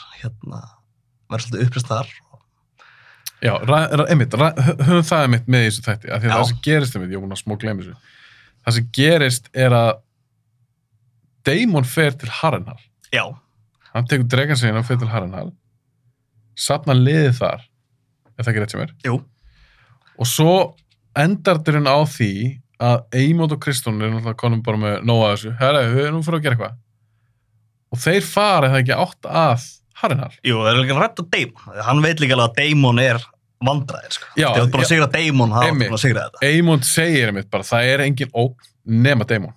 Daemon er ógnin, Mhm. við þurfum að koma honum út úr þessu geimi bara sem fyrst. sem fyrst, Þannig þeir fara þangað, en þegar þeir koma þangað, þá er Daemon farin. það er hann farin Og hann og Renera, bæði, farið til King's Landing. Er það ekki það sem er? ég held að hann haldi sér ennþá Fyrir Daemon fór það ekki til King's Landing. Er það? Er hann ekki ennþá í einhver svona gorillavar fyrir hann að milli þeirra?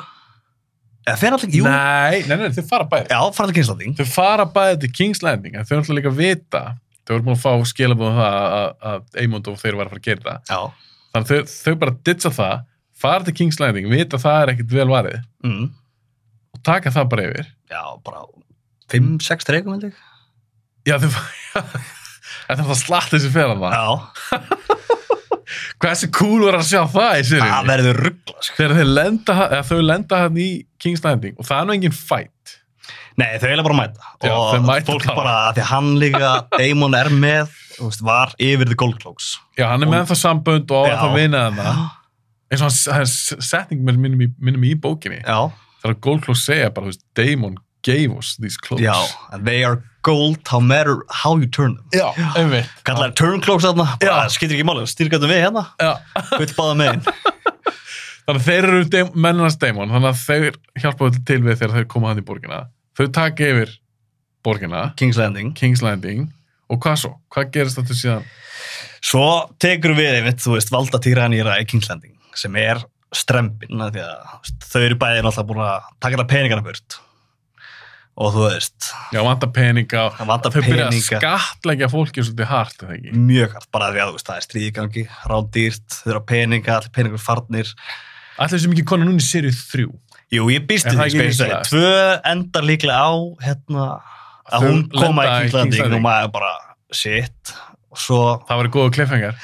hún mun örglega sko, skera sig á þróninu, Já. rétt þess að pappi sinn Og þarna líka er hún auðvitað bara eins og andlega þú veist, þreytt og hún er ekki myndið á góðum stað, það virtist verið í bókinni, hún er búin að missa, tvo sinni já, þarna, sko. einmitt. Þannig að það er svona að tala svolítið um það, einmitt, að hún kannski ekki á góðum stað og hún verður ekkert, hún er ekkert góð drotning. Nei, líka bara erfið valdtíð eins og það er búin að missa börn, þú veist, fólk er á mótinni. Þetta er valdarán sem maður gerir, Já, já. að einhver leiti. Já, Eftir hvernig þú lítur á þetta. Já, eftir hvernig þú lítur á það.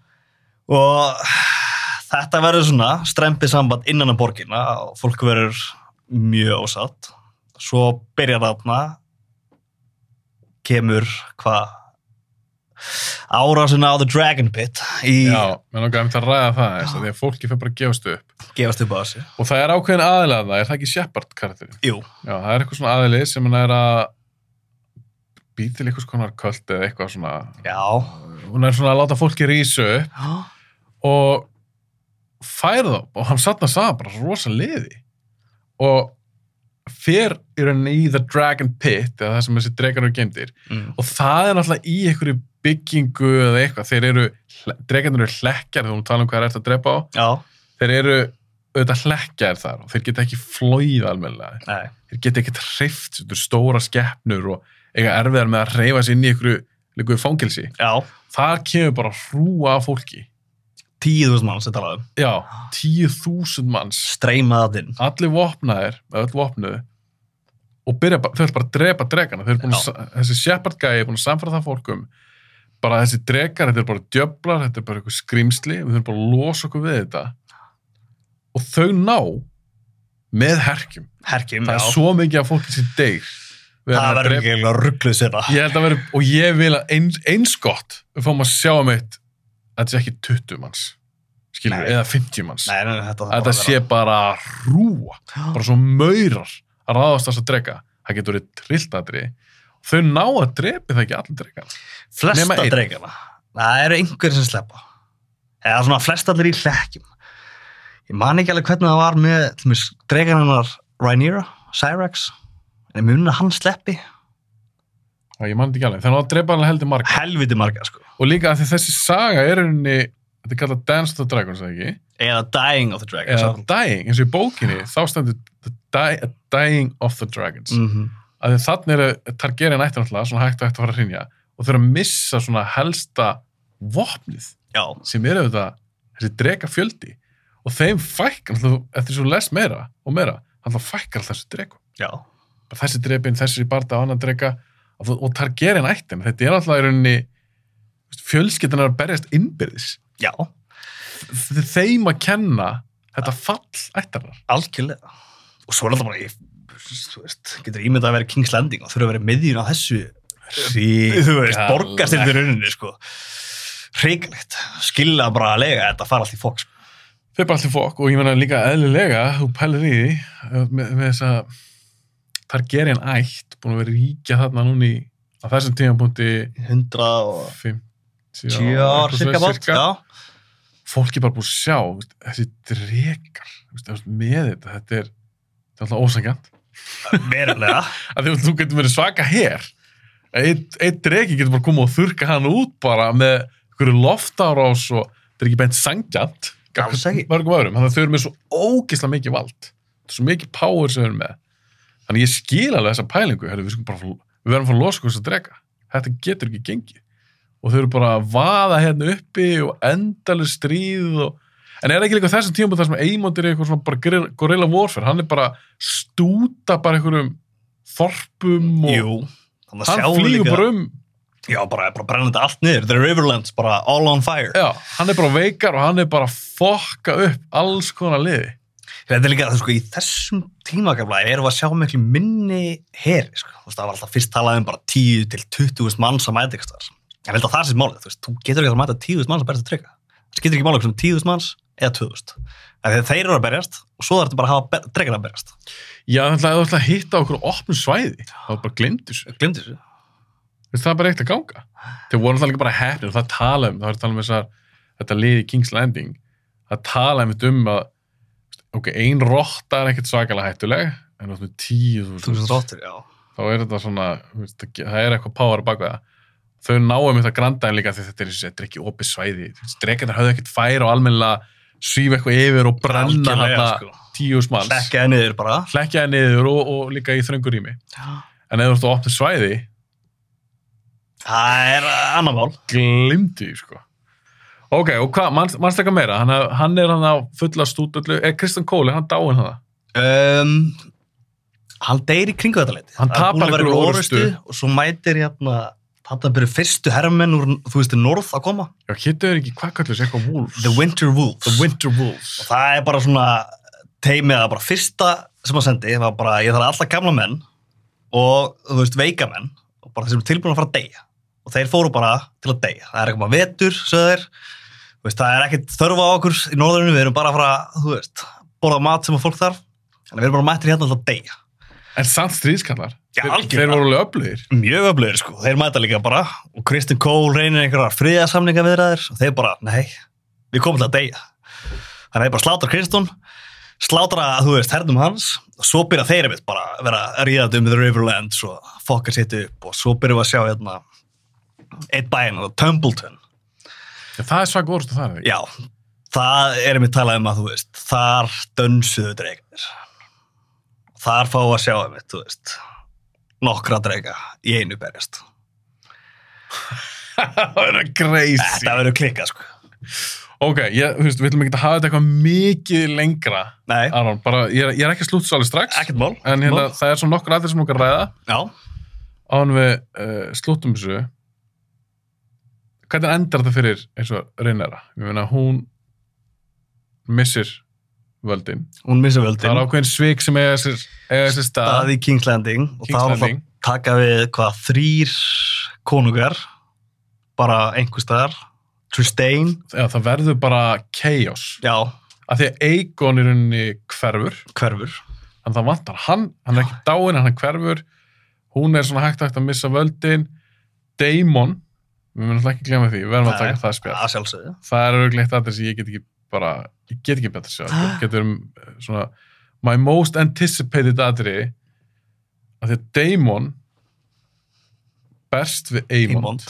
Þannig að Daemon og sínundrega Caraxes á móti Eymond á veikar Mhm. þeir berjast, það verður auðvitað svaka fætt en það var svo cool hvernig hann endar Það er bíla, sko. hvernig hann endar hann, Hvernig endar það? komdu með það Ok, þeir eru búin að vera einmitt í ykkur gorilla varfer og svo mætir Damon aftur í Hernál og segist bara, ég er að býða eftir að Eymond mæti hérna." þetta. já, ég er bara einn núna Já, hann er bara einn hana, býður hann í 13 dag held ég og svo mætir Eymond á veikar með konu að með konu, Alice Rivers sem er einhvers konar svona seðkona eða eitthvað, talaðu um það er viðhaldið hans Eymond og svo fljúa þeir yfir loftið og byrja eitthvað samlaðan í kringum Harunal nema svo hérna, er að fljúa og Karaxis kemur bara á loftinu, flýgur niður læsir tönnunum í hálsum veikar og þá bara leysir Daemon fjötuna sína stekkur yfir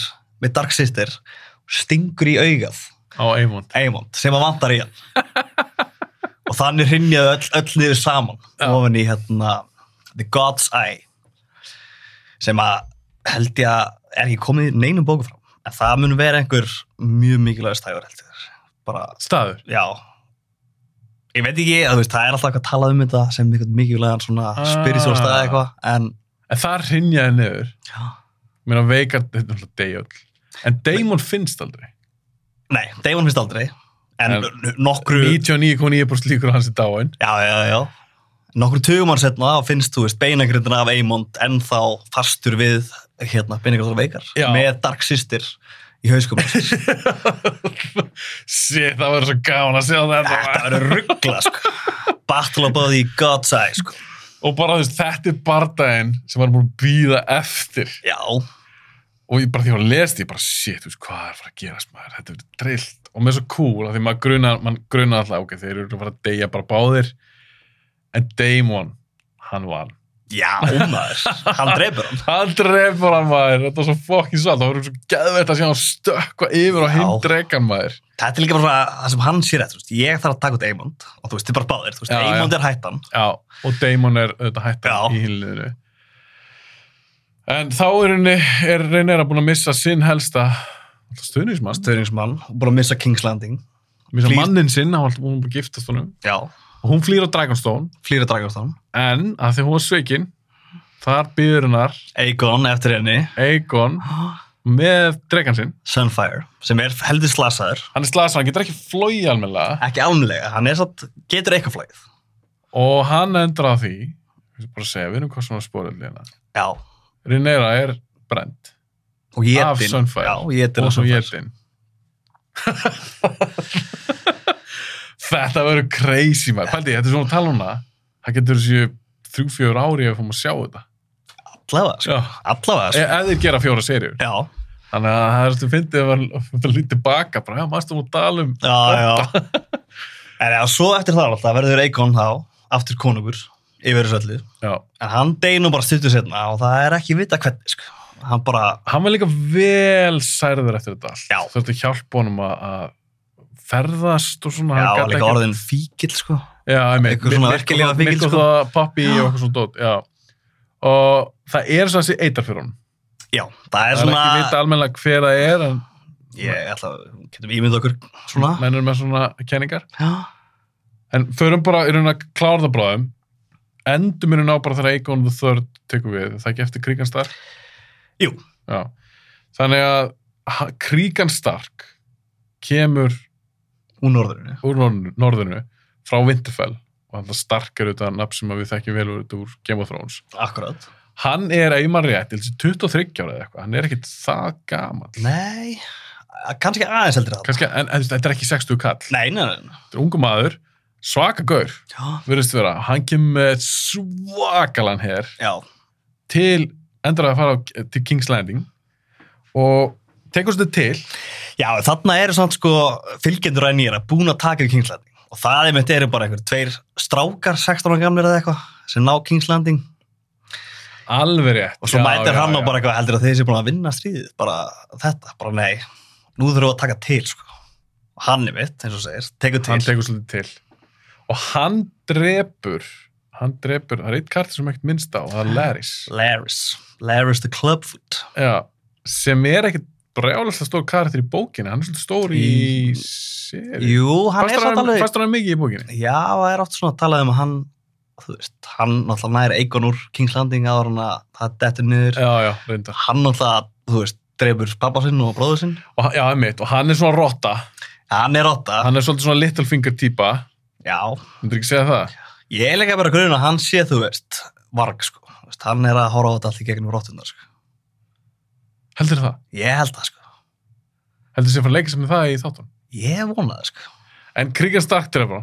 já, það tekur á hann fótinn líka Já, ég var það, það, sko, hann baði það, en sko hann baði það, hann, hann fekk eitthvað svona lokabón, af því að hann, Krigan Stark er búin að sapna saman nokkru liðana og er að fara að afhusa á alla, með æs. já, og hann er mynd með sama þetta motto sem að Ned Stark segir segir eitthvað, the one who passes the sentence should swing Swing the the sword, eða eitthvað þannig að Krigan Stark kemur og hann tekur haus á nokkrum en eitt gaurinn segist vil að fara á take the black, vil fara á bara veggin já, og hann fær að gera það uh, Corlys er ekki drefin næ það er bara að halda stöðu sinni já, af því að Aegon the Third er það ekki hann sem að næra væla það fram í rauninni jú, ég held það eða byðjum það og Já. þó að það sé ekki búið að krína hann alveg sem kong þá kríkan hlustar á það leiðum að sleppa það með þess að tala um Corlys er búin að fara í gegnum alveg allt, sko alls konar ruggmaður hann hann drefur Larys drefur Laris og Larys byður hann um að taka af sér fótinn, vil ekki láta fótinn fylgja honum í eftirlífið já, hann er hann er búin að partra með allt mitt líf ég vil ekki taka þetta með, með mér í eftirlífi og, og kríkan segir ok, ég skal gera það Þannig, að-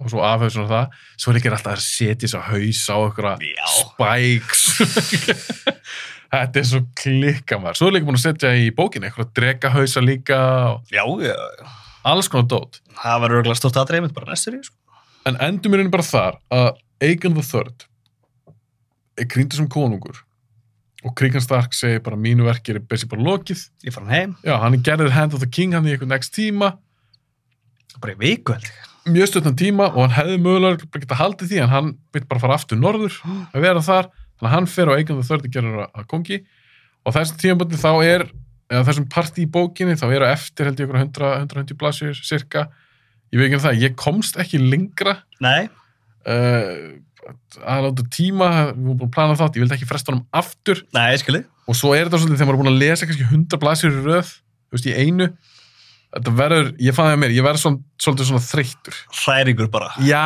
þetta er svo ógisla mörgnöfn og þetta er svo mikið ekkur um barndöfum og þess að samna þessu liði og eitthvað og þetta er Aegon the Third og þetta er þessi Second og Einmitt. pappi eitthvað bla bla. En kannski fínt bara að enda þarna og svo alltaf tekum við eitthvað meira. Hann ætlar að gera volum 2 eins og við nefnt áður og það geti alveg verið cool Þú veist, persónan finnst mér þetta svona aðeins mikil dórandur ég hefur til að hafa þetta aðeins stittra Já, veit ekki alveg hvort við þurfum öllu sinni nöfn að því hann telur upp oft sko bara, og, já, og það voru sjö, menns, sjö manns með honum það var Sir Brindam já, já. og Sir Clegger Clegger, sko, þú veist, hann kannski telur upp eitthvað sjö nöfn sem kannski kom ekki sem aftur við sög Það er bara ekkert, sko.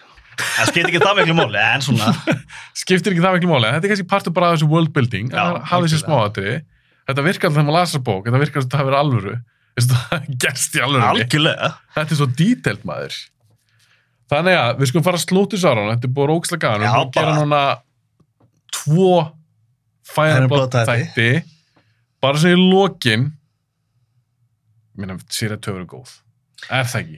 Ég, þráttur er verkfall og okkur svona, please, Eh, jú, segja ég held það að, bara með dregana, þú veist, það verður svo margi dregar, sko. Ég held að geta ekki klikkað. Það verður meira blóð, fleiri dregar, meira stríð, núna sumir gaggrindu fyrst sem að fyrir að vera svolítið hæga já, ég er í rauninni ekki sammála, ég skil hvað fólk er að tala um, mér finnst bara allt svo áhugavert mér Já. finnst pólitíkin áhugaverð, ég þarf ekki endilega stríð en serið að tvö verður stríð Já.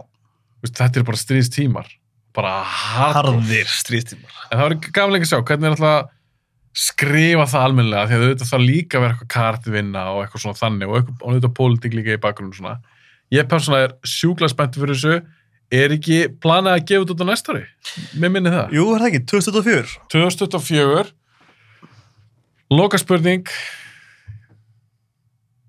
Nær George R. R. Martin að klára Game of Thrones eða Song of Ice and Fire seríunum sinna Ég stóri við það. Persónulega stóri við það. eða þú þurftur að veðja núna þú þurftur að leggja pening undir það hann á eftir tvær bækur Hann aðtýtt þar mjögur. Ég myndi ekki með undra. og þetta er, þú veist, og róum okkur aðeins hvað þetta er stóra bækur, hann segist þér að koma með 1500 blaðsýr, Ívins og myndir. ég veit svo veit Svo þyrfti eiginlega Dream of Spring sem á að vera þá senasta bókinas. ég meina, er, er hann eitthvað byrjar á henni Ég held ekki. Ég held ekki, sko. og hvað, er það bara að klára það 95 ára Ég veit það ekki, sko. Ég vona bara, eða, þú veist, eins og það, ég vona bara helst að við fáum eins og myndir á meðan á lífi. Svo verður það bara opið, sko. Hvað myndir þú vilja sjá? Myndir þú vilja sjá, segjum hann klára vins og myndir, þú fær hana bara innan tveggja ára eða eitthvað, segjum það, hann ná að klára það, ég hugsa hann, hann gefa hann út Já, ég held það líka. S- og svo fellur hann kannski frá. Myndir þú vilja eitthvað annar myndi klára það? Já. Já, ok, þú myndir vilja það. þú Alveg vilt fá klárlega. einhvern enda á þetta þó að Martin sjálfur skrifi ekki nákvæmlega bókina. Alveg helst, sko. Eða, þú veist, við erum alltaf búin að fá okkur enda með þáttunum Já, já, mitt. sem að takmarka fólki var satt með. Það var kannski ekki alveg nóg fullnæðandi. Nei, æ, við fannst það gera mjög illa. Mjög illa. Því miður, af því það var alveg cool stuff í þessu en það var svona hratt farið yfir sögu henni í lokin. Já, æ, þetta voru mist. Svo Þetta voru var smá mist. það... Ah, Því miður. Já, en það En- svara spurningunni, ég held að hann muni ekki klára að songa um Æsifær. Ég held ekki, ég held það.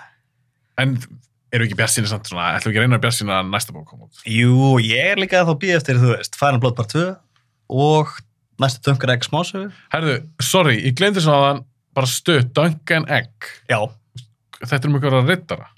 já, þetta er sérst um svona uh, Heads Knight sem heitir Duncan the Tall. Og Heads Knight er svona rittara sem að tilenga einhver húsi eða neitt, sko. Já, og um skværna sem heitir Egg. Hann er í rauninni prins, Targaryen prins sem heitir Aegon en er að fela sig.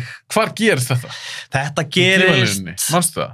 sko svona 900 árum fyrir Game of Thrones. Já. Þetta er svona, þú veist, dregarnir er döður þarna, Targaryen-ættin, þú veist, þeir búin að vinna svolítið aftur upp og en þetta er svona smásögur sem gerast ekkert endilega um þú veist mikla pólitík, þetta er meira bara svona hvað verkefni Eitthvað þeirra, ævintýri. eða- einhver ævintýri og svo er þetta einn karakter sem að, eh, kemur frá með þessu og er í Game of Thrones, það er Blood Raven eða The Three-Eyed Raven hann er í þessum sögum og er alltaf gæðin sem Kenny Bran í hellin, Já. Game of Thrones. Hver er það? það er svona bastardsonur Targaryen konungs sem er líka einmitt, þú veist, hann er work og þú veist, mjög powerful segið svona og hann er mjög áhverju karakter í þessum bókum sko. ég er eiginlega svona, ekkert mikið kemur fram alltaf en alltaf að tala um hann og hann er Hand of the King oft í ákveðnum bókunum og hann eiginlega með er bara svona surveillance state sko. hann bara sé hvað er í gangi fólk er bara að deyja er eitthvað drullið í konusætuna bara deyja allir daginn eftir hann er bara að horfa á þetta og hann er þú veist, albinói, einmitt líka með eitt auga hann er líka með Dark Sister Ú, ok. og þetta er bara, ég mæli með að kíkja það bækur þær eru bara þú veist, 300 blaðsýður kannski, nei, einu, ekki einu sinni sko. bara smásögur eða kíkja myndasöðunar Já, þannig að ég get í rauninni bara lesið þessa sögu og þetta er ekkert einhverjar 700-800 blaðsir. Alls ekki. Þetta er bara, Þetta er, bara, er þetta hefðbundin bara skaldsaga? já, Þetta er ekki sett upp eins og Fire and Blood? neinu, þetta Nei, er bara, ok. þú ert að fylgjast með þeim karakterum, ferðast Ok. þeim saman og Ég er alveg til að, ég er nefnilega, ég er rosalega hrifin að þessum heimi. Þetta er örgulega minn uppáhalds fantasy heimur. já, Þetta er svona uh, brutal og pólitík og þess að stinga þannig í bakið og eitthvað svona. Ég er mjög gaman að því og gengir hobbitar hana. ég fann fínt. Ég er að tjóka, smá skot á, Ah, á já. middalörð. Herðu, Aron, þetta var bara ógíslega gaman. Ég er bara að þakka kærlega fyrir að koma. bara takk fyrir mig.